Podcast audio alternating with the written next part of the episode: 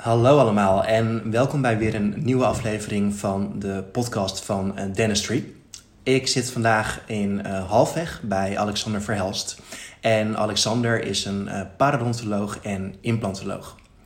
Um, wij mogen Alexander 11 oktober begroeten tijdens de tweede themadag van Dentistry University. Waar we het zullen gaan hebben over de parodontologie onder meer. En in dit interview gaan we nader kennis maken met uh, deze docent. Alexander, uh, bedankt dat ik hier mag zijn uh, deze ochtend hier zo. Um, om eigenlijk te beginnen, we zitten hier in Halfweg. Ben jij een echte halfwegenaar? Verder van. um, nee, helemaal niet. Ik ben eigenlijk een Zeeuw. Ik ben opgegroeid in het zuidwesten van Nederland, vlak bij de Belgische grens. Um, dus ja, in België ben ik een Hollander. In Nederland ben ik een Belg. En inmiddels heb ik toch wel echt voor het Hollandse gekozen. Want na de studie in Amsterdam ben ik toch in de buurt blijven hangen en zodoende in halfweg beland. Dicht bij de stad, dicht bij Amsterdam, dicht bij Haarlem en ook niet al te ver van de kust vandaan. Dus dat is voor mij een hele goede combinatie. Kijk eens aan, yes. Um, zou jij je aan onze luisteraars willen voorstellen? In een notendop, maar tegelijkertijd mag je ook een beetje trots op jezelf zijn. Kijk eens aan. Nou, ja, mijn naam is Alexander Verhelst. Um, ik heb eerst uh, op ACTA tandheelkunde gedaan. Daarna heb ik 3,5 jaar gewerkt in verschillende praktijken. Uh, mijn voorliefde voor de parodontologie was er toen al wel.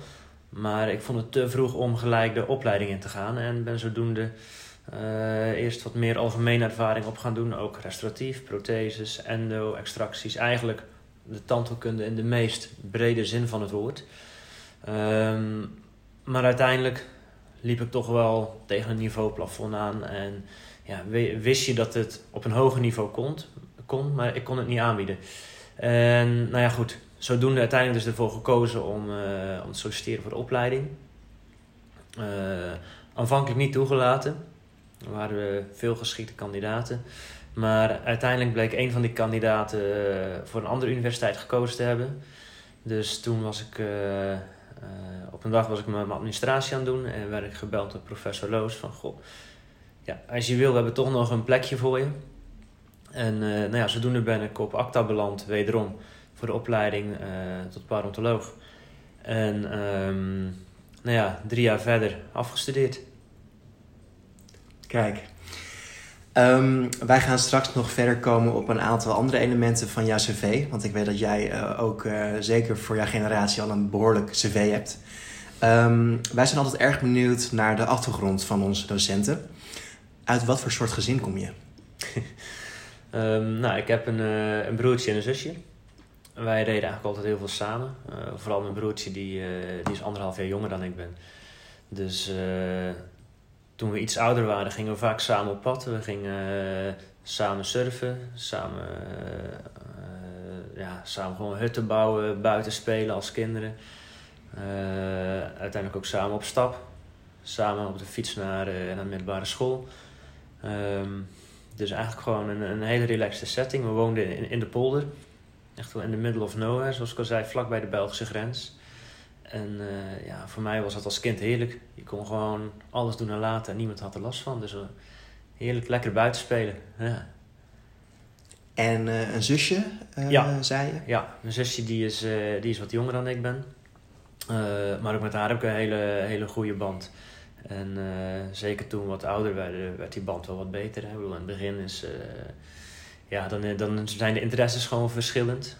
Maar naarmate ouder werden, ging dat steeds beter. En uh, nou ja, goed, inmiddels zijn we alle drie uitgevlogen, maar uh, we zoeken elkaar nog geregeld op en dan doen we weer wat leuks samen.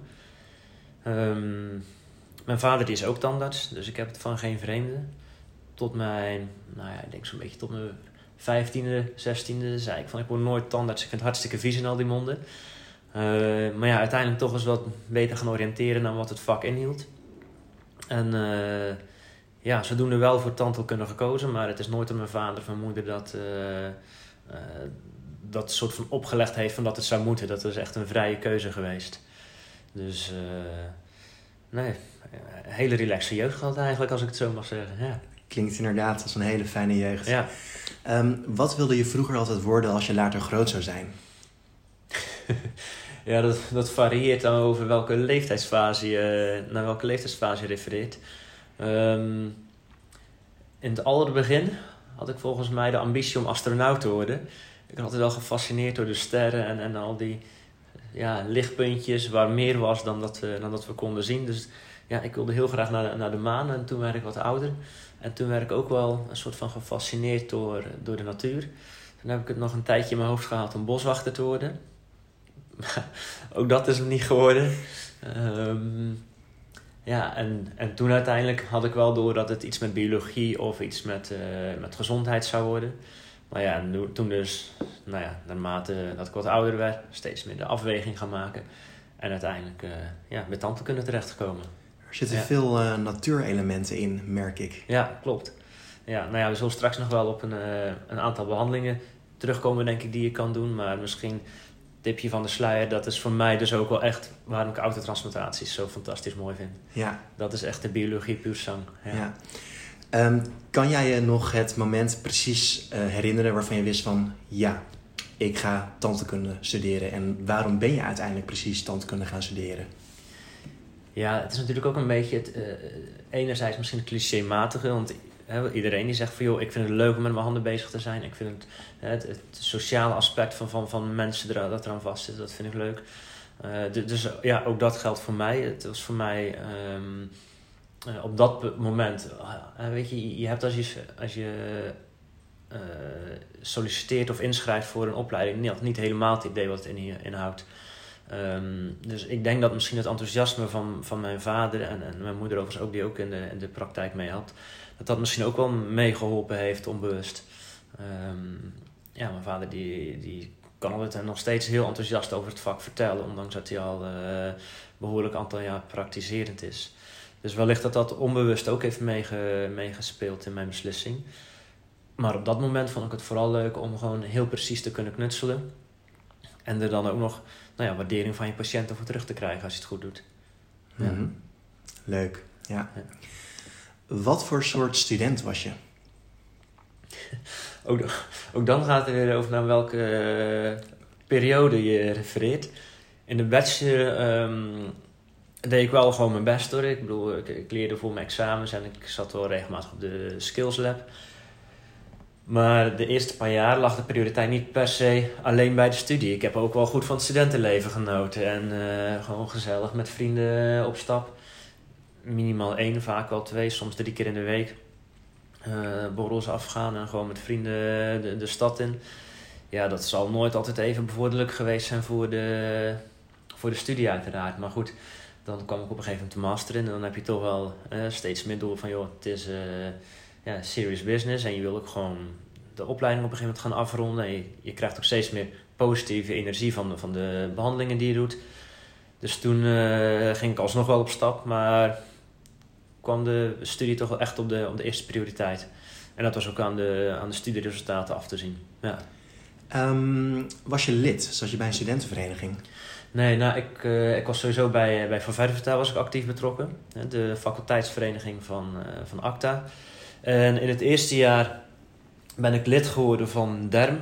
Dat is een uh, uh, afsplitsing van, uh, van langs, waarbij ze vooral op het surfen focussen.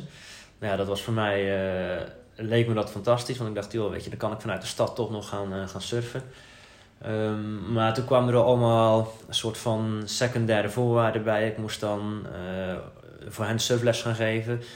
Uh, zodat zij wat extra inkomen hadden. Terwijl ik meer zoiets had, hè, ja, als student zat, je, zat ik zelf ook redelijk krap bij kas. Dus ik dacht van, nou, ik ga liever gewoon voor mezelf lesgeven dan, uh, ja, hou ik er zelf nog wat aan over.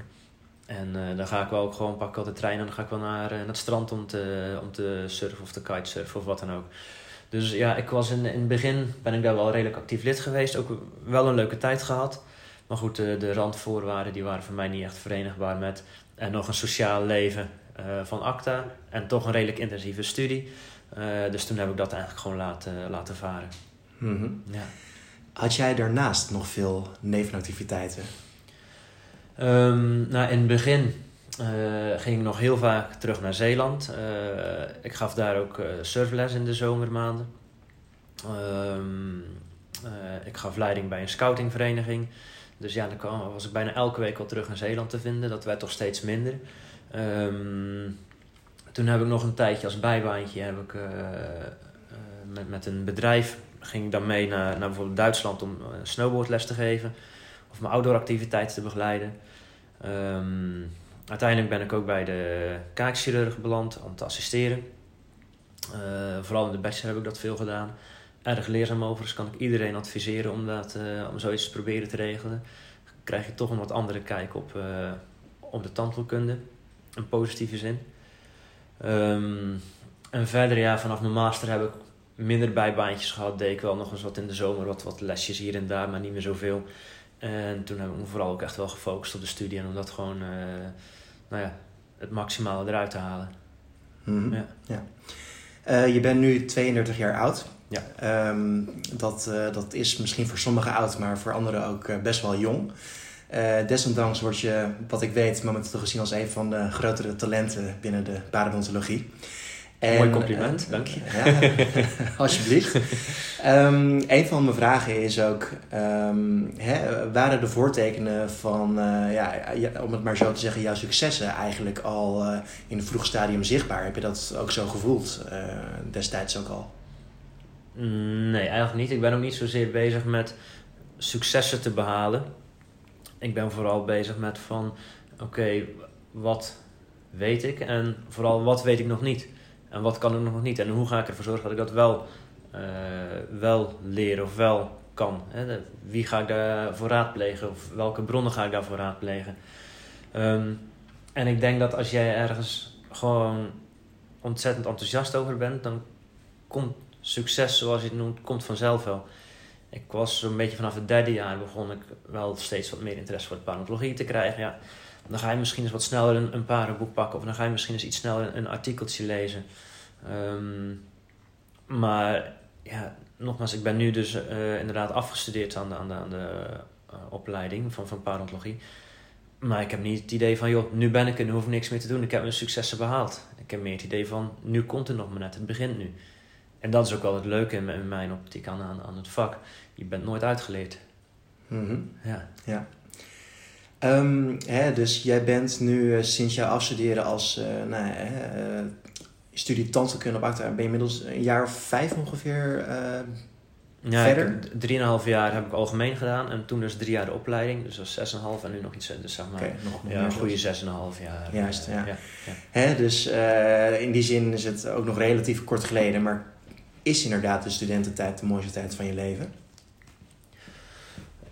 laat ik, het is wel een hele mooie tijd. Dat sowieso. Um, maar ja, ik denk, het is altijd een, het is ook een beetje wat je er zelf van maakt. Ik bedoel, studententijd heeft als, als voordeel dat je eindelijk, eh, je gaat op je, in mijn geval, je gaat op jezelf wonen. Je wordt veel zelfstandiger, uh, je hebt veel meer vrijheden. Um, ja, de beperkingen zijn toch wel uh, dat, dat, je nou ja, je vrijheid wordt met name beperkt doordat je uh, financieel ook onafhankelijk bent of hoopt te zijn. Hè, dat je op een gegeven moment toch steeds meer op eigen benen gaat staan. Maar ja, weinig inkomen als student. Nou ja, dus ja, na je afstuderen kan je wat makkelijker eens een keer met vrienden ergens wat gaan eten. Of eens wat makkelijker op vakantie. Ja, ik geniet eigenlijk van elke, elke periode. Dus, maar is het een mooie tijd? Zonder meer, ja. -hmm. Uh, je hebt gestudeerd aan ACTA. Je hebt je differentiatie tot uh, en paleontoloog gevolgd, ook aan het ACTA. Ja. Je bent daarom ook betrokken geweest bij het onderwijs. Je hebt zelf studenten daar onderwijs gegeven. Hoe kijk jij naar de tandheelkundeopleiding van, van nu? Um, dat is een lastige. Ik denk dat daar hele goede punten aan zitten. En wellicht ook wel punten voor verbetering. Um, wat, je, wat je merkt over het algemeen aan, aan de studenten die van ACTA komen... is dat ze in de praktijk... de, ja, de, je hebt een hele goede theoretische basis. Maar soms zou het aan praktische skills wellicht nog wel eens iets meer uh, al in de opleiding aandacht aan besteed kunnen worden. Het is natuurlijk lastig om, om voor alle verrichtingen ook voldoende patiënten te krijgen. Dat is een beetje inherent aan de universitaire setting. En er zijn verschillende belangen ge, worden er gediend. Onderwijs, maar ook onderzoek, zorg. ehm, externe cursussen. Dus ja, het is, waar, waar er meerdere belangen zijn, zal het misschien ook zo zijn dat er ja, niet iedereen 100% tevreden gesteld kan worden. Ehm, maar als ik naar ACTA kijk, denk ik dat er wellicht een aantal praktische behandelingen, praktische vaardigheden wat meer aandacht aan besteed zou kunnen worden. Ja. Mhm. Eh, tijd om eh, aandacht te besteden aan uh, jouw vakgebied, de parodontologie en implantologie. Ehm, in het verlengde daarvan natuurlijk. wat vind jij het mooie aan je vakgebied?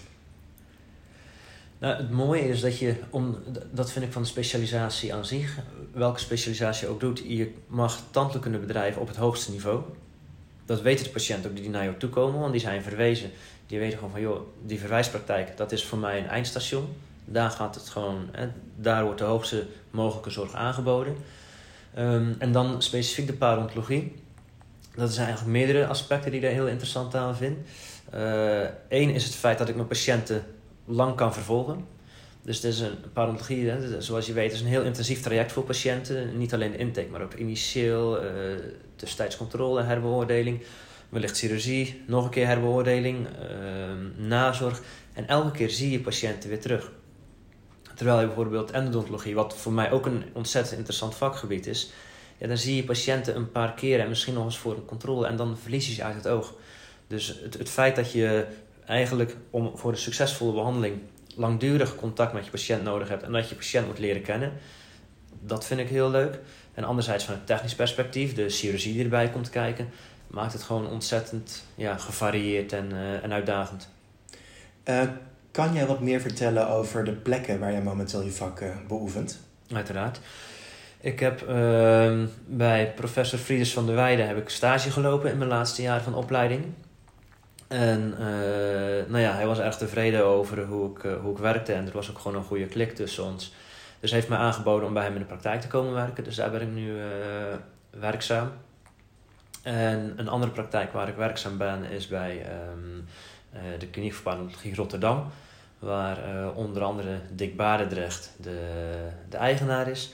En ja, eigenlijk net als, als bij Frieders van der Weijden en Dick Barendrecht, ja, dat zijn gewoon hele fijne personen die ook weten hoe het is om, om nog geen 20, 30 jaar ervaring in het vak van parodontoloog te hebben.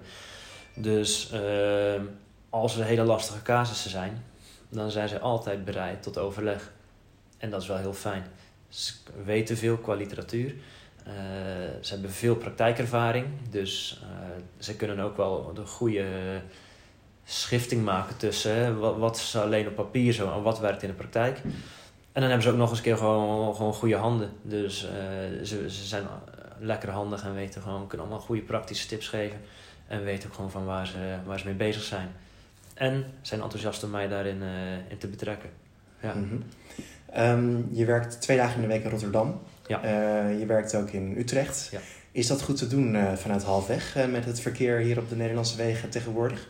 Ja, het is altijd een beetje een, een afweging die je daarin maakt. Um, ik, ik heb een motorrijbewijs en een motor, dus ik ga meestal, als het weer het in ieder geval toelaat, ga ik gewoon op de motor. En dan kan je door de files door. Overigens niet met 100 per uur zoals sommigen. Ik, rij, ik denk redelijk netjes op mijn motor. Uh, ja, heeft het gesneeuwd of wat dan ook, ja, dan zal ik een kwartier eerder van huis moeten. Uh, en dan betekent het gewoon dat ik uh, ja, kwart voor zes opsta in plaats van zes uur. Dat is dan zo, ja. Dat is een beetje ja, een compromis dat je doet. Je, als je goed wil worden, dan moet je zorgen dat je door de best omringd wordt. Ja, dan moet je soms wat, wat concessies voor doen. En s'avonds, ja, dan ben ik toch altijd na de file klaar. Dus je bent lang bezig aan verwijsbrieven typen. Uh, dus ja, dat, uh, dat maakt allemaal niet uit. De files zijn dan al lang weg. Ja. ja. ja. Nou, uh, je behandelt patiënten, je doseert, je doet ook onderzoek. Ja. Wat vind je het leukst? ik denk de combinatie. Als, er is niet per se één ding wat heel leuk is. Als ik alleen maar onderzoek zou moeten doen, dan zou ik waarschijnlijk helemaal gek worden. Maar juist de patiëntenbehandelingen die zorgt ervoor dat je goed wordt, die dat je ervaring krijgt. Mijn ervaring en, en kennis mogen delen met andere collega's die net zo enthousiast zijn als ik over het vak, of wellicht net zo enthousiast te krijgen zijn over het vak. Nou, dat vind ik ook hartstikke mooi. En toch ook een, een wetenschappelijk tintje zorgt ervoor dat je wel gewoon op de hoogte blijft, ook van de laatste inzicht. En dat je uh, nou ja, gewoon, gewoon scherp gehouden wordt. Dus ik denk dat de combinatie al heel erg mooi is. Wat zijn je ambities? Ja, dat, is een, dat is een lastig. Wat zijn mijn ambities? Um, ambities die zijn bij mij dynamisch. Dus nu is mijn ambitie is gewoon om, om heel goed te worden. Ik hoop uiteindelijk bij de, bij de top van minstens Nederland en wellicht uh, wel Europa of, of internationaal te, meer internationaal te gaan horen. Maar ja, dat komt niet vanzelf. Ah, iedereen die nu aan de top zit, die hebben jaren ervaring. Hartstikke veel kennis. Ja, dat is gewoon een lange weg. Dus dat is misschien een lange termijn ambitie. Um, die je dan bewerkstelligt door korte termijn ambities te stellen. Door jezelf elke keer proberen te verbeteren en te overtreffen. Nou ja, misschien zit er op een gegeven moment nog een uh, promotietraject in. Dat, uh, dat sluit ik zeker niet uit. Maar om te zeggen, echt een hele rigide ambitie van dit ben ik nu en over 10 of 20 jaar ben ik dat. Nee, ik, uh, dat werkt niet voor mij. Dat is meer dynamisch en nou, naar gelang de, de kansen die op je, op je pad komen. Zou je een hoogleraarschap ambiëren? voor nu sowieso niet, omdat ik denk dat ik er nu nog gewoon niet, niet aan de kwalificaties voldoe. Maar nogmaals, als er ooit iets op mijn pad komt en, en, uh, en wat dan ook, en of dat nou hoogleraarschap is of niet, of wellicht docent of, of wat dan ook, dat sluit ik niet, uh, niet uit in de zin van dat ik daarvoor open zou staan. Maar goed, hoogleraar, dat hoor ik niet zomaar. Hè. Dat is uh, wellicht iets te ambitieus, maar goed, dat is misschien ook, ook juist wel goed om een beetje ambitieus te blijven. Ja. Um, wie zijn je leermeesters? Oh, dat zijn er een, een, een hele hoop. Um, sowieso natuurlijk heb, heb ik op ACTA heb ik gewoon, denk ik, op de afdeling goede docenten gehad. Um, dus daar heb ik wel heel uh, ja, leuke dingen van geleerd, met, met name dan van, van de, van de PARO-afdeling. En als ik kijk van wie nu op het moment waar ik veel van leer, dat zijn toch wel echt vooral uh, Friedes en, en Dick. Dat zijn gewoon wel de, ja, de mensen die gewoon heel veel bereikt hebben binnen, binnen een vakgebied. Ja. En wie waren de mensen op ACTA met wie jij in die zin uh, de grootste klik had? Qua docenten bedoel je? Ja. ja. Nou, ik, ja, ik kon eigenlijk met iedereen wel heel goed overweg eigenlijk. Dat was wel heel relaxed. Dat was gewoon een, een, een fijne sfeer voor mij. Dat, ik gewoon bij iedereen wel terecht kwam. Kon, uh, het hing een beetje af van, van wat voor vragen uh, ik had. Ging het over iets met, met, met implantologie bijvoorbeeld. Dan ging ik vaak naar Wouter van Wezenmaal of Wijnand Theo toe. Dat zijn onze implantologie docenten. En die ja, waren er altijd heel enthousiast over. Um, wilde ik iets weten over, uh, over onderzoek doen. Of over meer het systemische aspect. Dan ging ik naar professor Loos toe, naar Bruno Loos. Um, maar ja, bijvoorbeeld Jan Tromp of Spiros of, of Sergio, dat is allemaal hele fijne docenten. Ik heb het, Monique ook overigens, die, die kon weer alles goed regelen.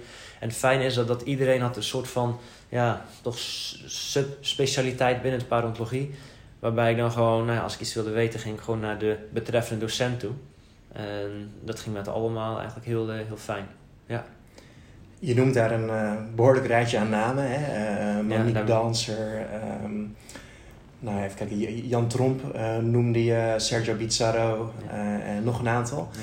Ja. Um, goed, ik heb zelf aan ACTA gestudeerd. Um, en ik weet toevallig dat de sfeer bij Paro uh, over het algemeen binnen ACTA bekend staat als een van de betere, leukere afdelingen binnen het gebouw.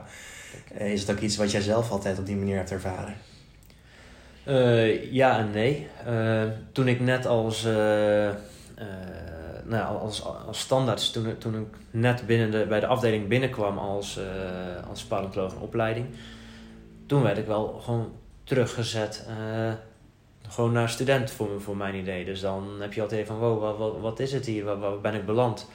Um, ik moest ook al heel erg wennen aan, uh, aan de schoolse structuur. En toch ook wel hier en daar een, klein beetje hiërarchie.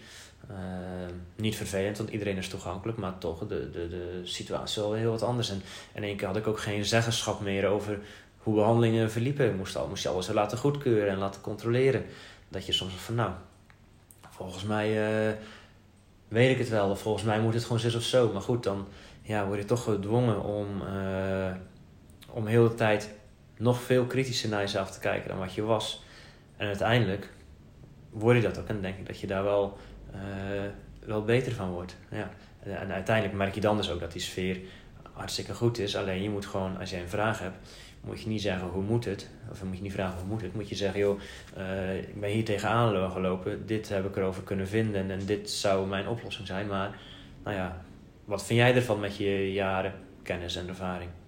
En mhm. dan is de sfeer heel relaxed. Dan is iedereen heel toegankelijk in, uh, uh, nou ja, in, een benadering. Ja. Als jij het hoofd zou zijn van de afdeling parodontologie van de opleiding en met de kennis van nu, zou jij dan het hetzelfde doen als hoe jij destijds als student daar begon, of zou je het toch anders insteken? Um, nou, ik weet dat ik als. als en dan heb je het over de, de opleiding parodontologie, hè? dus je geeft inderdaad aan van uh, ik voelde me daar weer een beetje als student. Ja, ja klopt. Nou, wat, wat, wat denk ik heel.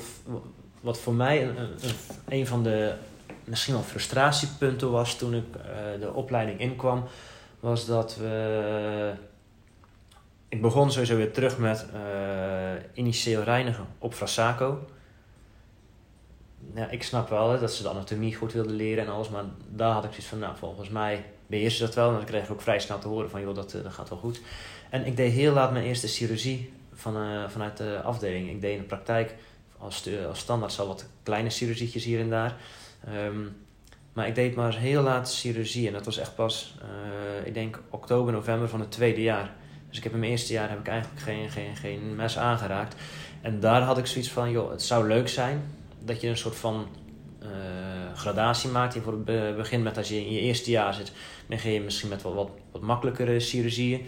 Kom je dan in je tweede jaar, dan wordt er, uh, doe je de, de, wat uitgebreider. En in het derde jaar ga je echt de, de, de mucogingivalen en, en, wellicht ook uh, wat meer implantologie doen.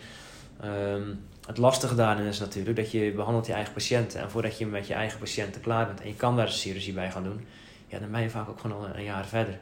En dat was bij mij in, in een universitaire setting dan. En dat was bij mij ook gewoon het geval. Dus ik had wat dat betreft pech. Anderzijds heb ik ja, de achterstand uiteindelijk uh, ruimschoots ingehaald. Dus, uh, maar dat, dat zou iets kunnen zijn wat, uh, nou ja, wat mogelijk anders ingericht zou kunnen worden. Mm -hmm. ja. Plus binnen de opleiding ligt de focus heel erg op literatuur. Je moet echt de artikelen per seminar leer je gewoon de artikelen uit je hoofd met auteur en jaartal en wat er gedaan is en wat de uitkomst was en waarom. En dat is enerzijds heel goed voor je begrip en kennis van de parodontologie. Anderzijds zou soms misschien ook iets meer dan de nadruk op de praktijk mogen liggen. Maar goed, dat is ook een, een, een, een verschil in ja, manier van opleiden. Plus dat uh, de opleiding in ACTA is de enige in Nederland uh, die bovendien ook nog eens EFP erkend is. dus vanuit Europees uh, uh, de Europese Federatie voor Parontologie ook erkend is. Dus ja, ze moeten ook gewoon aan een aantal eisen voldoen. En literatuur is er daar gewoon één van. Dus dan kom je ook niet aan. Mm ja. ja. Heb je nog uh, jaargenoten vanuit je studietijd die eigenlijk een soort vanzelfde pad als jou hebben bewandeld en uh, ja, qua tandheelkunde toch met wat uh, meer dingen bezig zijn dan gemiddeld? Ja, dat is wel grappig. een ehm, hele goede vriend van mij die die, is gaan, uh, die heeft zich toegelegd op de implantologie. Waar die inmiddels ook onderwijs in geeft. Dus die uh, ook wel uh, op een hoog niveau doet hij de implantologie ook, vind ik. een andere jongen waar ik mee gestudeerd heb. Is dat ehm, Martijn Kerver? Ja, ja, ja. ja, okay. ja, ja, ja. een andere jongen, ehm, Tim Thomas, die, daar ging ik vooral trok ik in de bachelor wel, wel redelijk mee op. aardige kerel ook, is ook gelijk met mij begonnen. En die is volgens mij nu na zeven jaar afgestudeerd te zijn, is hij nu de opleiding tot parontoloog eh, gaan doen. Dus hij zit nu in het eerste jaar. Dus ja, die gaat het straks hetzelfde traject in als wat, wat ik doorlopen heb. Alleen heeft hij al meer, meer ervaring vanuit de algemene praktijk natuurlijk, waar hij al zo'n jaar of zeven gewerkt heeft. Um, een andere jongen, Anthony Joutse, die is de endo-opleiding gaan doen. Die studeerde gelijk met mij af. Uh, is nu als endontoloog. Ehm, dus ja, er zijn een aantal collega's die het ook wel, ook wel op, op hun manier heel enthousiast zijn voor een subspecialisme. ja. Mm -hmm. ja. Hoe ziet een dagelijkse werkdag of zelfs een werkweek er nu voor jou uit? Ja, Nou ja, als ik ga, ga werken, ik sta sowieso rond een uurtje of zes op. even snel, snel ontbijten en dan op de motor. En richting Utrecht of Rotterdam. En dan ben je meestal zo rond ja, half acht, uiterlijk twintig voor acht. En dan is het even omkleden en dan kijk je al naar, de, nou ja, de, naar, wat je gaat doen die dag natuurlijk. Of er, uh, je bespreekt even met de assistent of er nog speciale dingen moeten klaargelegd worden. Um, eventueel uh, doe nog een paar patiënten voorbespreken al, als het ingewikkelde behandelingen zijn. En, want dat is ook het voordeel aan de settingen van beide praktijk waar ik nu zit. We hebben heel veel overleg met collega's onderling, gewoon maar om te kijken van joh, ga jij eens lastig nog, hoe zou jij het aanpakken? Dat, we er allemaal beter van worden. Um, en dan is het gewoon de, hele dag werken, uiteraard met de middagpauze. En dan meestal rond vijf uur laatste patiënt. Maar vervolgens wel, ja, dat je echt nog wel minimaal één, maar vaak wel uh, twee uur nog bezig bent aan administratie. Administratie en brieven, brieven typen. En ik doe ook nog wel vaak dat ik s'avonds thuis nog wat, wat administratie voor, voor patiënten afrond. Um, nou ja, goed, en dan uiteraard uh, als ik thuis kom even eten. Dan uh, soms nog verder administratie. Of nog aan een, uh, ja, of dan aan een presentatie voor dentistry werken. dus dat zijn een beetje de, de werkdagen. Ja. ja. Maar de, de balans kan je goed vinden in hè? het, het, Ja, kijk, mijn vrouw die is, die is ook tandarts. En, en die begrijpt enerzijds ook wel wat, wat ik doe. En die kan me af en toe ook wel gewoon terugfluiten van joh, er is meer in het leven dan, dan, dan de parontologie. Als je mij de vrije loop zou laten, dan, dan zou ik daar echt heel veel mee bezig zijn. Um, de, dus het is goed dat ik af en toe, dat, is een, dat geeft een goede balans.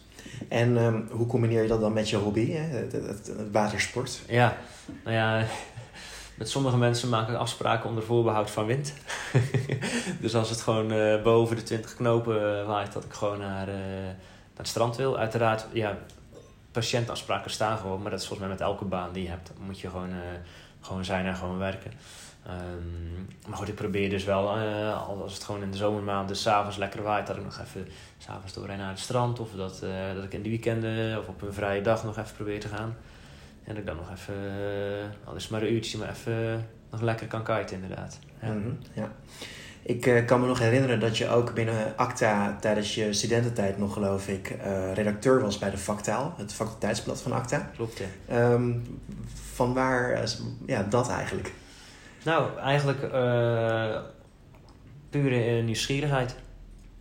Ik werd op een gegeven moment gevraagd van, joh, we zoeken nog iemand die het leuk zou vinden om artikeltjes te schrijven. dat stond gewoon in een van de nieuwsbrieven. Ik had daarop gereageerd.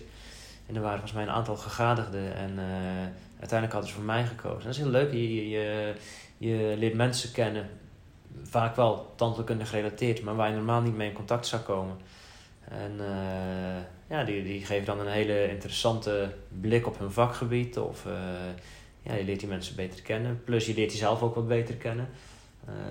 je moet mensen interviewen. Nou, daar had ik natuurlijk nul ervaring mee. Je moet artikeltjes schrijven. Nou ja, had ik ook eigenlijk nul ervaring mee. Dus dat is een, uh, ja, een leuke manier om meer met iets anders van de tandheelkunde, toch binnen de tandheelkunde bezig te zijn. Hmm, ja. ja. Je bent ook actief binnen de NVVP, de Nederlandse Vereniging voor Parodontologie. Mm -hmm. uh, wat, wat doe je daar precies? Nou ja, in, in die zin uh, ben ik nu bezig met, met een aantal collega's voor het organiseren van het Lustrum-congres. Dat belooft wel heel mooi te worden. Um, verder ben ik nu gevraagd om een presentatie te geven over de nieuwe klassificatie van de, van de. Er is een nieuwe, onlangs een nieuwe klassificatie verschenen. Daar zal ik tijdens de Dentistry University ook nog wel uh, wat meer op ingaan over hoe dat nu precies zit en uh, ja, wat moeten we ermee. Um, dus, dus dat is wat ik nu, nu doe bij de NVP en uh, ongetwijfeld dat daar nog meer functies of wat dan ook uit, uit voorkomt. Overigens ben ik ook actief bij de NVTS. Uh, dat is de Vereniging voor Tandheelkundige Slaapapneu.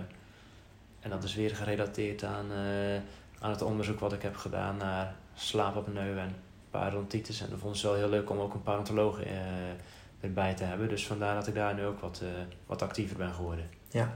Ik weet dat je ook afgelopen jaar hebt gesproken op het congres van de NVTS. Ja, klopt. Ja. Hoe heb je dat ervaren? Ja, heel leuk. Het is toch een beetje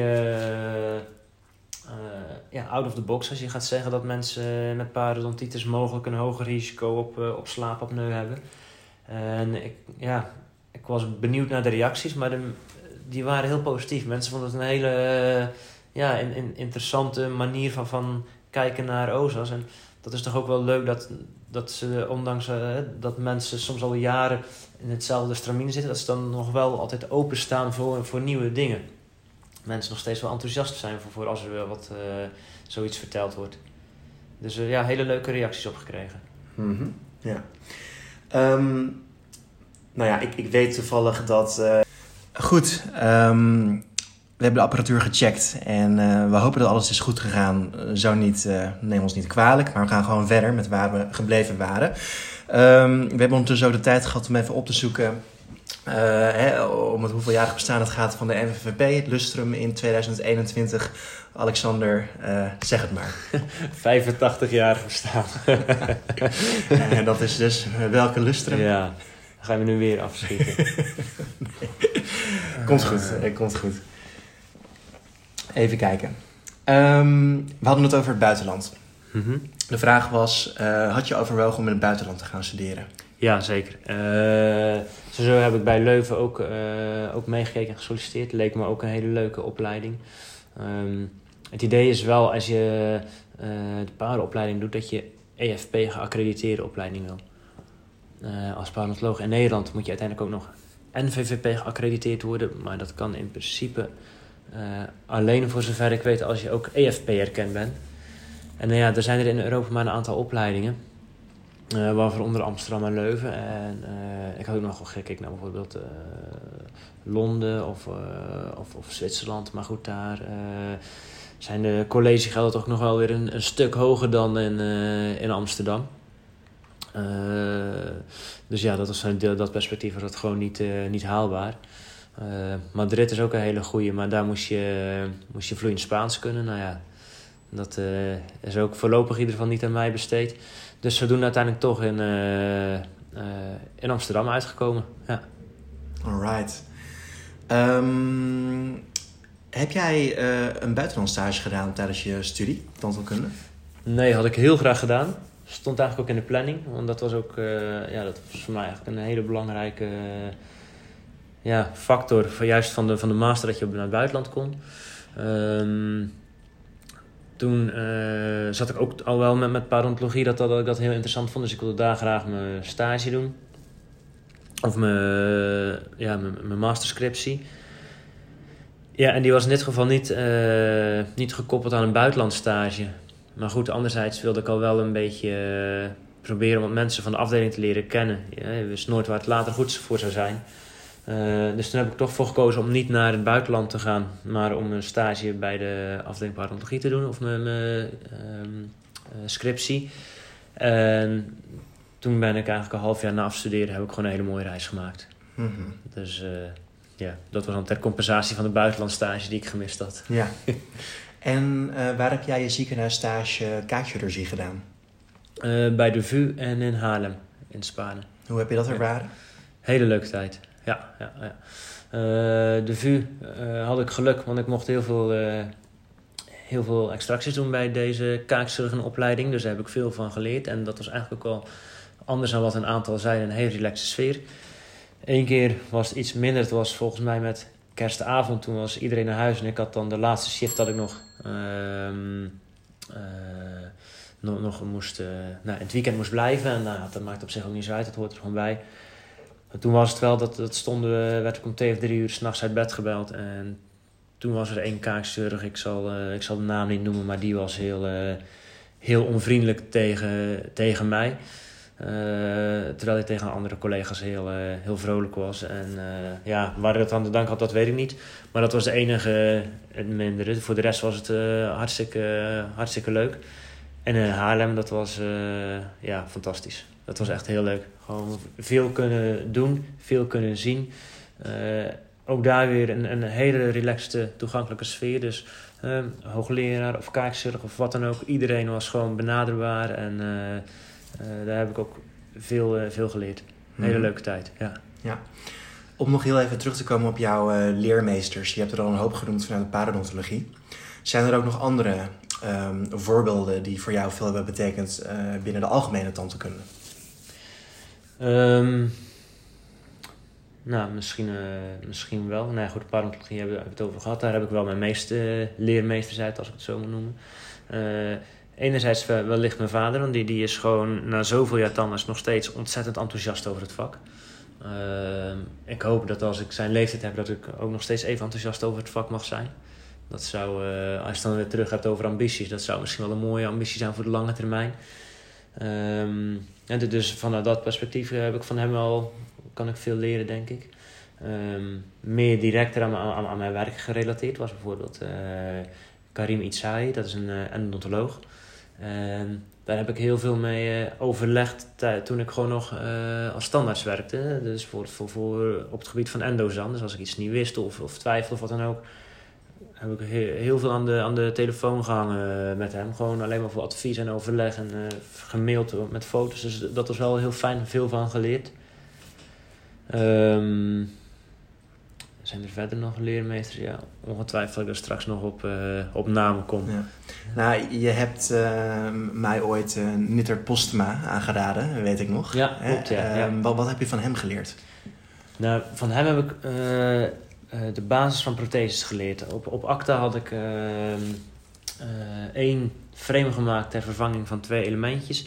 En samen met een collega een prothese bij een dame die een halfzijdige verlamming had gehad. Dus die uh, beet vandaag beet ze keurig dicht. Of ze, en morgen zou ze in een kruisbeet kunnen dichtbijten. Dus wat we ook deden, het, het, het, zat altijd goed, maar ook weer helemaal niet eigenlijk. Maar zij, zij vond het fantastisch wat, wat we deden. En eigenlijk maakt het helemaal niet uit. Zelfs al hadden we dezelfde prothese gerelined en teruggezet, dan had ze nog mooi gevonden. Dus ja, daardoor had ik eigenlijk heel weinig ervaring met, uh, met protheses. En dan wordt het ook snel niet leuk. Want als je het niet kan, dan ga je, nou dan ga je er toch een beetje tegen opzien. En de tandarts waar ik toen bij in de praktijk werkte, ja, die, die deed ook wel wat, maar ik wist dat het beter kon. En toen heb ik inderdaad een, uh, samen met overigens de, de praktijkeigenaar waar ik toen werkte, hebben we de cursus gedaan bij Nitter uh, inderdaad. En dan hebben we uh, met patiënt zijn we naar het laboratorium gegaan. hebben we eigenlijk elk stapje van de prothese hebben we met onze eigen patiënt hebben we doorgenomen vanuit het lab waar ik toen mee samenwerkte, het was goede gebeuren, kreeg ik ook elke keer als ik prothesepatiënten deed, want daar had ik er behoorlijk wat van in toen ik als algemeen werkte, uh, kreeg ik elke keer gewoon ook weer feedback van joh, dit was goed of daar moet je de volgende keer op letten. Ook elke keer toch weer terug die toegankelijkheid, waar ik het net ook al over had. Zij waren ook heel toegankelijk voor mij om, om mij te helpen verbeteren. En uh, ja, heb ik dus heel veel van geleerd. En sindsdien vind ik prothese maken gewoon hartstikke leuk. Je kan er mensen heel mooi mee helpen. Um, maar ja, je moet wel weten wat je met zoveel dingen, gewoon wat je doet. En mm -hmm. dat wist ik dankzij deze cursus een stuk beter. Ja. In uh, welk jaar ben jij ook alweer precies afgestudeerd? 2013. 2013. Ja. Um, hoe heb jij überhaupt uh, jouw start ervaren als tandarts? Um, ja, dat was een, een, een vliegende start. Uh, uiteraard, net als zoveel, bij toch al een beetje, ja, misschien wel, wellicht onzeker. Of weet je gewoon in ieder geval wat je beperkingen zijn uh, in het begin. Je weet veel, maar je kan eigenlijk nog heel weinig. Um, en dat was voor mij heel, uh, werd dat heel duidelijk toen ik um, afgestudeerd was, maar nog niet de bul had ontvangen. Dus dan zit dan vaak een maandje tussen voordat je je diploma krijgt. En toen deed ik een, uh, een weekenddienst bij de praktijk waar ik toen ook uh, zou gaan werken. En de praktijkeigenaar die was wel in het pand. Uh, kon hij administratie doen en dan zou ik de patiënten doen. En als er dan wat was, kon ik hem er nog bij halen. En er was een, een, dame die had een pijnklacht. En dat bleek dus een, een, endo gestart te moeten worden, want dat was een 2-6. En toen kwam ik mezelf tegen, want ik had op de universiteit had ik eigenlijk alleen nog maar incisieve en premolare geëndood ja, wel eens een keer preklinisch een molaatje opent. Maar ja, weet je, daar ga je het ook niet van leren. Dus toen uh, moest ik gaan openen. Nou ja, het, het Palatinaal kanaal gevonden en uh, geveld en gespoeld. En, en de rest maar ja, tijdelijk afgedicht. Omdat ik vooral bang was dat ik meer, goed dan, of meer kwaad dan goed zou doen. En goede pijnstiller volgeschreven. Um, maar dat was voor mij wel een moment dat ik dacht van ja, verdorie dat mag niet kunnen. Dus toen ben ik naar, in het maandje dat ik dus nog had, ben ik terug naar ACTA gereden. Heb ik pot met geëxtraheerde elementen gepakt. En ben ik gewoon dagen achter elkaar alleen maar molaren gaan openen. En eh, daarna ook gewoon toch maar weer premolaren en SIF, gewoon alles gaan openen. Alleen maar om te weten van ja, waar ga ik die kanalen vinden. Hè, de- dus dat, is een, dat was eh, één ding waar ik echt tegenaan liep na mijn afstuderen. Verder was het zo dat ik eh, in de praktijk kwam waar ook een tandarts die, nou ja, laten we zeggen, er een andere zorgstandaard op nahield dan wat je tegenwoordig zou mogen verwachten. Dus eh, vanuit dat perspectief werd ik redelijk snel voor de leeuw gegooid. Ehm, dat je gewoon een, een, als jonkie een hoop dingen tegenkwam waar je dacht van wauw, hier is wel echt een heel complexe eh, situatie aan de hand. Hè? Dus eh, zowel restauratief, maar ook qua, qua, qua paro, eh, endo, alles kwam erbij. En ja, daar heb je met vallen en opstaan leer je daar heel veel van. Ja, Mhm, Ja. Nou, mooie leerzame lessen ook. zeker. Ja, ja, moet ik ja. zeggen. Dat was, heel, eh, dat was eh, een hele interessante periode. Ja. Ja. Ehm, zou je, als je opnieuw zou mogen beginnen, helemaal opnieuw, zou je dan opnieuw voor tante kunnen kiezen? Nu zeker, ja. ja. Eh, toen was het een beetje een, een, een, een, nou ja, misschien wel een klein beetje naïeve sprong in het diepe. Uiteraard was ik wel enthousiast voor het vak, maar eigenlijk, als je net begint, heb je ook niet heel erg een idee wat het nou daadwerkelijk inhoudt. En nu, eh, nu ik weet wat het allemaal inhoudt en wat voor mooie dingen je kan doen met de tandheelkunde, zou ik er zeker voor kiezen. Ja. Mhm, ja. Ehm, nou, er komt eigenlijk nu een soort van filosofische vraag in me opborrelen, dus ik ga hem gewoon stellen. Eh, waar gaat het bij jou om in het leven? Waar gaat het bij mij om in het leven? Wauw, het is inderdaad een filosofische vraag. Ehm, maar misschien ook wel heel makkelijk te beantwoorden. Eh, gelukkig zijn. Dat is denk ik het belangrijkste. Mhm. En hoe je dat geluk eh, bereikt, nou ja, dat eh, zowel privé als zakelijk moet het gewoon allemaal goed lopen en een goede balans in, in kunnen vinden. Mhm. En ik denk dat je, als je zo ge- gezond bent en je kan eigenlijk doen en laten wat je wil, nou ja, dat je al 95% van het geluk hebt. En dan die andere 5%, dan moet je gewoon, ja, moet je gewoon eh, zelf je, je best voor doen. Ja. Ja. Om het maar zo te zeggen, is dat ook de reden dat je elke dag eh, opstaat, als het ware? Ja, ik, Om het eh, geluk na te streven? Nou ja, ik heb in ieder geval ik heb een reden om op te staan. Ik heb, ik heb een hartstikke leuke baby die, die hier nou ja, nog net niet rondkruipt, maar in ieder geval heel enthousiast is als ze me ziet. Ik heb een leuke vrouw, ik ben gezond, ik heb een leuk dak boven mijn hoofd. Als het waait, dan pak ik mijn auto en dan ga ik naar het strand. Eh, ik kan op de motor of op de, met de auto naar, de- naar de praktijk rijden. Ik kan andere mensen helpen. Mensen, je wordt gewaardeerd in wat je, wat je doet. Dus ik, ben, eh, ik heb het hartstikke goed naar mijn zin. Ja. Mooi, ja. nou, dat was even het filosofisch intermezzo. Eh even terug naar, naar iets concreets. Als je één ding aan de tandheelkunde zou mogen veranderen, wat zou dat dan zijn? Ehm, nou, misschien. eh, ik, wat ik heel veel zie is dat gelukkig heel veel tandartsen eh, heel goed naar de parodontologie kijken. Eh, ik bedoel, anders dan zouden wij ook niet zulke drukke agenda's hebben, dus dat gaat heel goed. Maar er zou bij sommige, in sommige gevallen wellicht toch nog iets meer aandacht naar mogen komen. Of in ieder geval de juiste aandacht. En, en nou goed, daar hoop ik dus onder andere ook met, met deze Dentistry University ook zelf aan te kunnen bijdragen. Ehm, soms kom ik er wel eens tegen dat patiënten jarenlang eh, eh, ja, bij de mondhygiënist zijn geweest.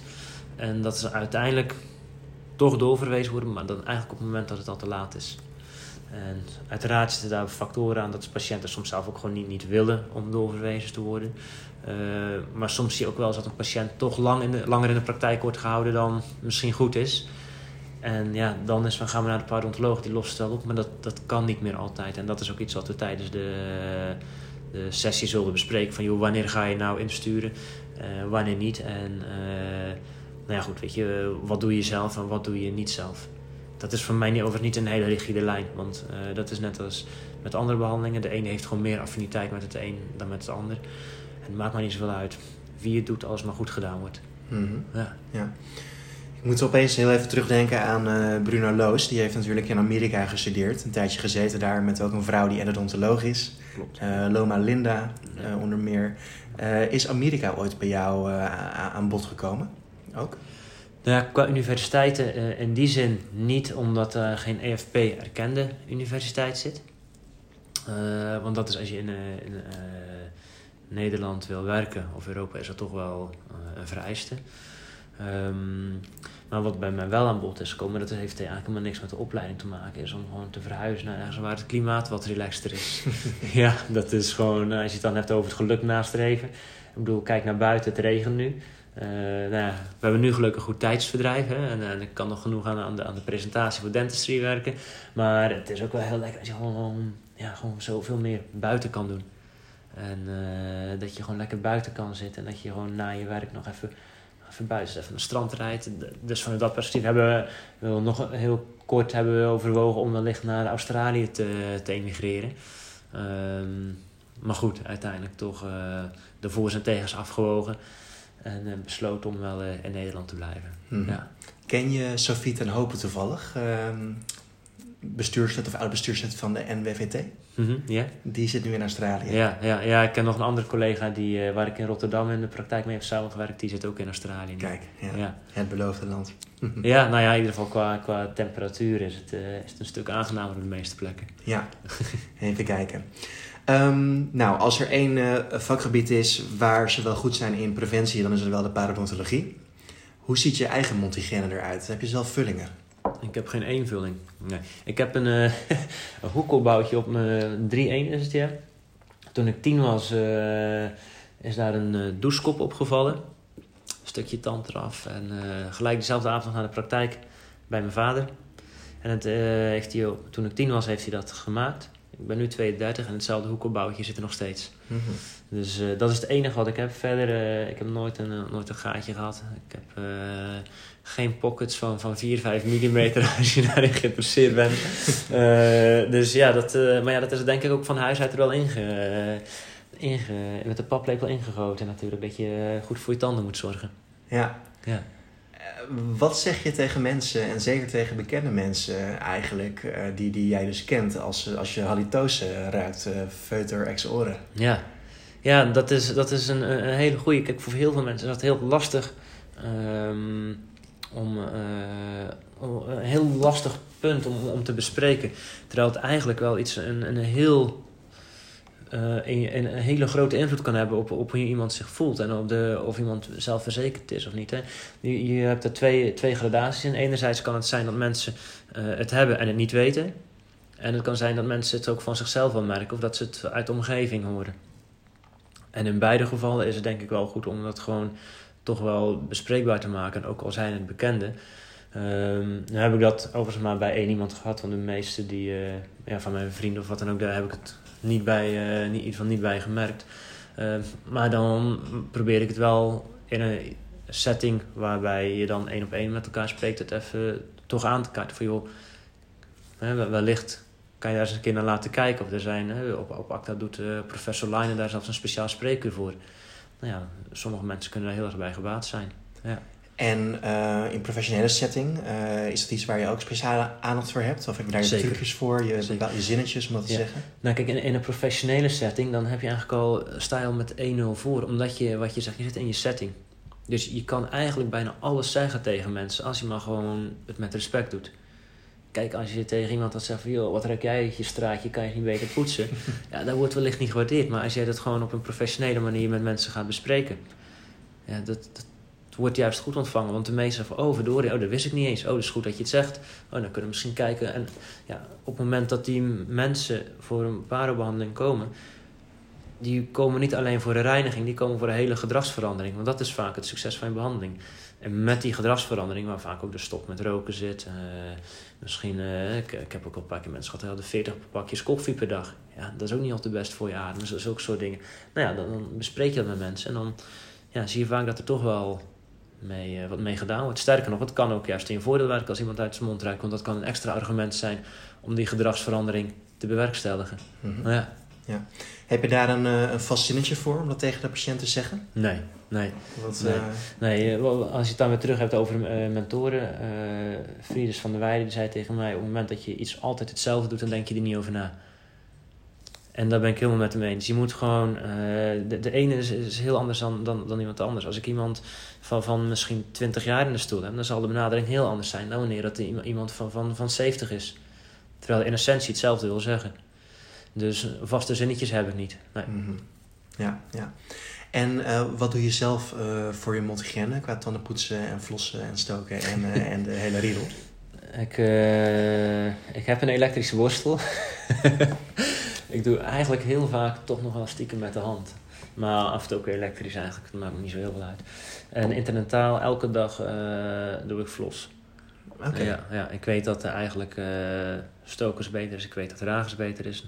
Mij helemaal mee eens. Maar anderzijds, um, ja, ik heb geen verdiepte pocket, dus waarom zou ik heel diep interdentaal gaan reinigen? Want dan doe je eigenlijk buccaal en linguaal doe je dat ook niet. Mhm. Dus waarom zou ik dan in één keer met een, uh, met een stoker heel diep gaan? Terwijl met de flos, één, ik beheers de techniek. Ja, dat, dat is al belangrijk. En uh, ja, ik heb gewoon een, een, wat dat betreft een vrij makkelijk te onderhouden, te onderhouden gebit. Wat nog steeds, gelukkig, nou, ik denk nagenoeg ontstekingsvrij is. Ja. ja. Uh, zit er ook een bepaalde gedachte achter dat je flost zodat je je tandvlees wat meer wil uh, besparen qua uh, triangles van, van nou, Kijk, in, in, in, het front wel, ja. ja dus, de, dus het front daar zie je toch dat je daar dagelijks stoken dat je vaak toch een beetje van die afgevlakte papillen krijgt. Dus dat zou ja, dus, dat is een reden om daar dan eventueel te, te flossen. Um, mijn voornaamste reden om te flossen is eigenlijk gewoon uh, om uh, approximale karies te voorkomen. Dus dat ik interdentaal ook toch uh, de tandplak zo goed mogelijk weg kan halen. Um, meer dieper in de sulcus. Kijk, op het moment dat het niet ontstoken is, uiteraard moet je het supragingivaal schoonhouden. Maar subgingivaal zou het in principe dan ook niet ontstoken mogen zijn. Ja, ja. En je flost gewoon met flosdraad. Ja. ja. Uh, je noemde al van uh, ik poets elektrisch, maar soms ook wel handmatig. Uh, heb je ook een, hè, zonder dat dit verder wordt gesponsord, maar een, een, voorkeur voor een bepaald merk? Van elektrische borsten, ja. zeker. no, nou, laat ik zo zeggen, sonisch of, of, of roterend. Roterend, roterend, oscillerend, ja. ja, ja. Waarom? Ehm, een ronde borstelkop die komt toch makkelijker bij alle contouren van de elementen. Uh, en, en, dat is voor mij gewoon persoonlijk, uh, dat ik dat heel fijn vind. En dat zie ik ook dat over het algemeen, en, en dat is meer vanuit uh, de ervaring in de praktijk, dat mensen dat toch iets handiger in zijn om dat om de contour van de elementen heen te draaien. Dus vanuit dat perspectief ja, adviseer dan ook altijd een roterende borstel. Okay. Maar ik word niet gesponsord en dat zeg ik wel tegen mensen. Ik heb geen aandelen in tandenborstels of wat dan ook. Dus als het anders wilde, moest het vooral zelf weten. maar dat is mijn advies altijd. Ja. ja. Goed, uh, dan weer even een intermezzo op het gebied van leisure eigenlijk. Um, we weten inmiddels dat je een fanatieke watersporter bent. Uh, volg je ook voetbal? Bijna niet, nee. Heb, heb je een favoriete club? Van voetbal? Nee, het maakt me echt eigenlijk helemaal niks uit. Nee. okay. ik, wel, het, is wel grappig, want voetbal, Formule 1, toch een beetje de mannensporten bij uitstek. Hoewel dat bij voetbal inmiddels wel iets aan het veranderen is, geloof ik. Uh, het interesseert me maar niks. ik vind het als, als een Nederlands elftal speelt bijvoorbeeld, dan vind ik het wel leuk om te kijken. Of uh, uh, als het dan een of andere nou ja, races waar, waar Max inderdaad nu natuurlijk heel de tijd mee rijdt, dan kijk ik wel even op de NOS-app van joh, hoe heeft hij het gedaan? Dat vind ik nou wel interessant. Maar ja, ik, ik kan niet de, de zondagmiddag Formule 1 gaan kijken. Dat vind ik gewoon zonde van mijn tijd. En dan ben ik liever op het water eigenlijk. Ja, ja. En dat zijn overigens ook voor mij de mooiste dagen, want dan zit iedereen achter de buis. En dan ben ik met een handje vol uh, ja, andere fanatiekelingen wel op het water. En dat vind ik echt heerlijk. Ja, ja, ja. ja. Um, en wat doe je verder graag in je vrije tijd? Um, nou, ik ben uh, naar het huis waar ik nu dus in zit, ben ik nog wat dingetjes aan het verbouwen. Uh, nu ben ik bezig met de verbouwing aan de, aan de bijkeuken. Die, dus ja, daar ben ik nog wel druk mee. zoals ik al zei, ik heb een dochtertje van acht maanden. Het is toch ook wel heel leuk om daar tijd tijd mee te, mee te delen. Um, wielrennen vind ik leuk. Daar heb ik eigenlijk heel weinig tijd voor, maar dat vind ik ook leuk om te doen. Uh, snowboarden in de winter. Uh, nou, ik zei kitesurfen. Uh, wakeboarden doe ik ook. soms windsurfen of golfsurfen. Dus ja, met name wel watersport georiënteerd aan, aan hobby's. Ja, ja. Sportief. Ehm, heb je ook wel eens bepaalde ultimate challenges gedaan? Of heb je die nog op je verlanglijst staan? Bijvoorbeeld het, uh, het fietsen van een berg of uh, wat dan ook? Ja. Um, mijn broertje heeft stage gelopen in, uh, in Zuid-Afrika. Die zijn we met mijn ouders gaan opzoeken. En daar is de hoogste, of in ieder geval een van de hoogste bungee jumps ter wereld. Ja, dat was wel even slikken. Maar ja, goed, hij had hem al gedaan, dus ik kon niet achterblijven. Dus dat was wel even een, een challenge om te doen. Dat hebben we uiteindelijk ook gedaan. Ontzettend bizarre ervaring. Eén keer en daarna ook nooit meer. Ik heb het nu gedaan, vinkje, klaar. Had ik verder nog eens gedaan. Ik heb um, uh, op een oud racefietsje, uh, toen was nog in mijn studententijd, had ik een, had ik een oud racefietsje. En daar ben ik in één dag van uh, Amsterdam naar mijn ouders gereden, ongetraind. Uh, dat was uiteindelijk, omdat ik nog wat omwegjes gedaan heb, zat ik rond de 300 kilometer uiteindelijk. Dus ochtends vroeg opgestaan en dan s'avonds, uh, s'avonds laat aangekomen. Dat was een challenge. Um, nou, en uh, is ook wel leuk en, met kitesurfen doen we als downwinders. Dus dan begin je in plek A en dan ga je met de wind mee naar plek B. En uh, ben ik vorig jaar met een vriend van me zijn van Scheveningen naar IJmuiden gegaan. Dat is toch ook wel een uh, behoorlijke afstand die je dan aflegt. Maar ook ja, heel leuk om te doen. Ja. Mm -hmm, ja. ben je iemand die graag leest? Ja. ja? Wat, wat voor boeken? Um, als ik er tijd voor heb, dan moet ik er dan wel weer gelijk bij zeggen. Dus vooral op vakantie. En, en, dan vind ik vaak um, misdaad, uh, romans of, of thrillers of uh, detectives. Dat vind ik wel leuke, leuke boeken. Misschien ook boeken soms over, uh, over oorlog of iets dergelijks. Vond ik wel, ja, gewoon, dus dat het echt romans zijn, vind ik leuk. Um, en ik, ja, dat is misschien ook wel weer een beetje beroepsdeformatie of vakidioterie. Maar ik vind het ook gewoon leuk om af en toe dingen van de tandheelkunde te lezen. En dan, of juist heel erg out of the box, maar dan binnen mijn vakgebied, of juist van andere disciplines. Dat ik daar ook dingen, uh, dingen van leer. Dus wordt iets restauratiefs of, of endo of wat dan ook. Ja. Heb je favoriete films? Um, niet per se favoriete films. Er zijn natuurlijk een aantal films die, die je wel goed vindt. Um, ik vind de laatste tijd, we zijn er of een paar weken terug, waren er was wat films volgens mij met Jason Statham. Dat vind ik nou toch ook wel heel, heel grappig hoe die, uh, uh, hoe die acteert. Hij doet dat in mijn optiek wel heel goed. Um, en verder is het zo, en dat is een beetje een, een, traditie van vroeger, denk ik, dat we als er een nieuwe James Bond uitkwam, dan ging ik altijd met mijn vader en mijn broertje gingen naar de bioscoop de nieuwe James Bond kijken. Het is niet dat ze per se allemaal even goed zijn, maar het is ook wel misschien ook de, de emotie die ermee verbonden is, dat het dan toch ook wel weer wel heel leuk is om die, uh, om die films te zien. Mm -hmm. Maar ook daar komt weer, ja, de afgelopen drie jaar, de, de opleiding aan zich, ja, daar was ik gewoon, gewoon 80, 90 uur in de week mee bezig. Dan had ik nog een verbouwing en, en een kleintje die er op een gegeven moment aankwam. Dus ik, ja, ik heb heel weinig, überhaupt heel weinig film gekeken. Mm -hmm. Ja. Dus, uh, ja. Heb je behalve Jason Statham ook nog andere favoriete acteurs en actrices? nee, niet, niet per se. Dat, uh... nou, nogmaals, ik, ik, ik, kijk ook niet zo heel veel films eigenlijk. En het gaat voor mij ook gewoon meer dan over de, de film, over de, de hele de hele linie waar het om gaat. Ja. Ja. Welke actrices vind je leuk? Welke actrices vind ik leuk? Ik zou echt serieus... Ja, dat is niet dat geen interesse voor, maar dat zou ik echt even uh, op het moment geven en niet zo direct een, naam kunnen, kunnen noemen. Dat, dat komt ook meer omdat als ik dan al een film kijk, dan, ja, dan heb ik hem gezien en dan is het ook gewoon weer, weer klaar. Dus ik, kijk heel weinig tv. Uh, het was op een gegeven moment zelfs zo. Dan moest ik echt vragen: joh, uh, welke afstand moet ik eigenlijk hebben om de tv aan te zetten? Omdat ik gewoon echt. Dan was de tv was gewoon maanden niet aangewezen bij Mm, ja. Gewoon puur omdat ik gewoon ja, heel druk was met andere dingen. Dus het, uh, het is nu weer ietsjes meer, maar Ja. nog steeds heel weinig. ja. Maar zijn er dan eh, bepaalde programma's waar je graag de tv voor aanzet?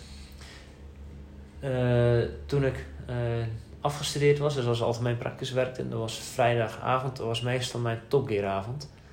Dat vond ik echt, eh, dat vond ik wel heel grappig, maar toen was het dus ook nog met nou ja, de originele cast, zeg maar. En toen was het gewoon nog uh, topgear zoals het moest zijn. dus ja, dat, dat vond ik wel heel leuk altijd. Mhm, Ja. En moet ik wel zeggen dat dan, zeker toen net, net afgestudeerd was, was het toch wel uh, vermoeiend de hele dag werken. Dus ja, dan val je, viel ik soms ook gewoon uh, in slaap halverwege. Dan kwam mijn vriendin terug van een douche en dan lag ik te slapen op de bank. en qua muziek? Eigenlijk bijna alles. ik hou vooral wel meer van rock. Soms ook best wel stevig rock, maar als ik meer moet concentreren, zet ik meer wat klassieks op, vind ik ook leuk. Soms gewoon wat, wat meer de alledaagse pop. Het enige wat ik echt gewoon eigenlijk helemaal niks vind is, uh, is R&B. Mm Dat is niks voor mij. Dat, uh, muziek van vroeger, bijvoorbeeld Queen, dat, ja, daar moet je voor of tegen zijn. Maar ik vind dat in ieder geval, dat zit heel mooi in elkaar, die muziek. Dat vind ik ook wel goed. jaren tachtig zelfs. Dus een hele brede smaak. Ja. Ga je graag naar uh, concerten of festivals? Ja, vind ik leuk. Ja, ja. Gaan, uh, elk jaar ga ik naar uh, Constantie, dat is op de Brouwersdam. daar woont dan ook weer een goede vriend van mij, dus dat is dan ook alweer een goede reden om hem te zien. Gaan we eigenlijk elk jaar, broertje en zusje gaan dan ook mee aan hem. Um, ja, en af en toe ook wel eens een keer gewoon naar, naar gewoon concert. Ja. Ja. Mm -hmm. ja. Zijn er verder nog uh, hobby's die wij nog niet hebben behandeld uh, gedurende deze podcast? Um, nou, ik denk dat we de meeste dingen wel, wel, wel, gehad hebben inmiddels, ja. Heel ja. goed, ja. Uh, nou, ik, heb, ik vind het ook wel leuk. Ik heb een klein groentetuintje en gewoon wat plantjes buiten staan. Dat vind ik ook wel leuk om daar een beetje mee, mee, te, ja, mee bezig te houden. Ja, ja. ja. Uh, wat kunnen wij verder van jou verwachten tijdens de tweede themadag van Dentistry University over de parodontologie op vrijdag 11 oktober in Amsterdam? Nou, ik wil het sowieso met. Uh, eigenlijk denk ik dat we, dat we het een beetje gaan, uh, gaan opdelen. Ik ben nu nog niet helemaal klaar met de presentatie, dus dat. laten we zeggen, ook dat is dynamisch. Maar um, we gaan het wat opdelen. En enerzijds gewoon, gewoon even terug naar de basis. Niet al te lang, maar eventjes van. hoe doen we de DPSI, wat doe je ermee en wat doe je zelf, wat stuur je door. Ik wil vooral ook veel casussen laten zien van, van uh, parodontologie die ik behandeld heb, of parodontitis die ik behandeld heb. En wat ik ook wel wil meegeven is van hoe vaak is het veel meer dan alleen maar parodontitis. En waar het op neerkomt is dat het, het, is geen kookboek. Het, het is niet van joh, volg het recept maar en dat komt wel goed. Elke patiënt moet je toch weer apart over nadenken. Dus daar ga ik ook gewoon aan de hand van verschillende casussen wat, wat, dingen laten zien en bespreken. Um, ik hoop ook dat, dat, uh, dat er wellicht nog heel veel input komt van de mensen die er zelf zitten. Ook misschien met de casussen mag ook allemaal aangeleverd worden. Um, we gaan nog uh, met de kroonverlenging gaan we nog aan de slag. Uh, dus daar gaan we nog ook wat, wat praktische dingetjes mee, mee oefenen. En uiteindelijk hoop ik dat als mensen eh, aan het eind van de dag terugkijken op, op de, nou ja, op de parodontologie themadag, om het zo maar te noemen, van, van de Dentistry eh, University. Nou ja, dat ze dan in ieder geval van joh, dat ze iets meer met een parobril naar de, naar de patiënten gaan kijken. En dat ze ook meer handvaten hebben om, om, uh, om er iets mee te kunnen doen. Ja, ja. Nou, ik uh, word er enthousiast van. Goed zo. ja. uh, dit is een vraag, dit is de ene laatste vraag die ik normaal gesproken uh, stel aan de wat meer ervaren tanners, om het maar zo te zeggen. maar ja, goed, met een blik op de toekomst. Hoe lang mogen we van jou genieten? Nou, ik ben blij dat je in ieder geval van geniet, Stefan. ja, nog heel lang. Ik vind het vak veel te mooi. Ik, ik zou niet eens weten hoe het is om te stoppen met, met het vak. En daar ben ik eigenlijk ook helemaal niet mee bezig. Ik vind het veel te leuk, veel te, veel te mooi. Dus als ik nu, nu zou moeten stoppen met, met, met de tandheelkunde, dan... Ja, ik weet niet, dat, dan, uiteindelijk ga ik dan weer iets anders verzinnen. Maar ja, het is veel te leuk om nog mee bezig te blijven. Dus ik, uh, ik, uh, ik amuseer me nog wel een aantal jaren hoor. Nou ja, ik, ik, ik weet uh, toevallig dat je ook een beetje een uh, soort van uh, ondernemersgeest hebt. je vertelde al eerder verhalen over de DDC, de Dentale ja. Dictatencentrale, oude examens.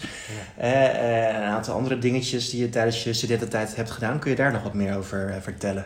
Ja, nou ja, we hadden, zoals we zeiden, de DDC inderdaad. Dus dat hadden we de examens de oude examens met antwoorden, die haalden wij dan op bij de onderwijsbalie.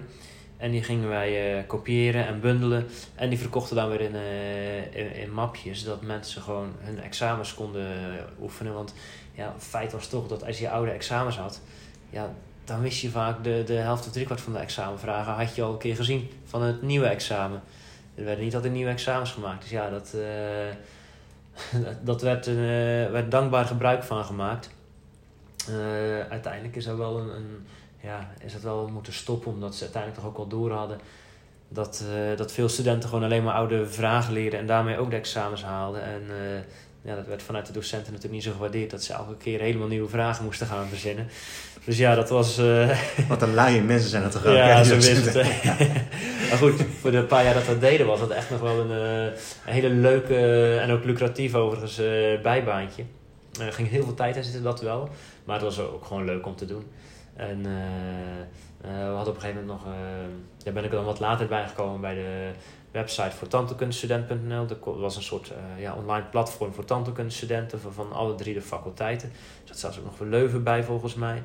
Um, en dan konden, ook daar konden mensen bijvoorbeeld uh, um, examens online oefenen, maar ook andere content voor tandheelkundigen uh, was daar te vinden. Dat is uiteindelijk overgenomen door een ja, medische uitgeverij, Anno 73.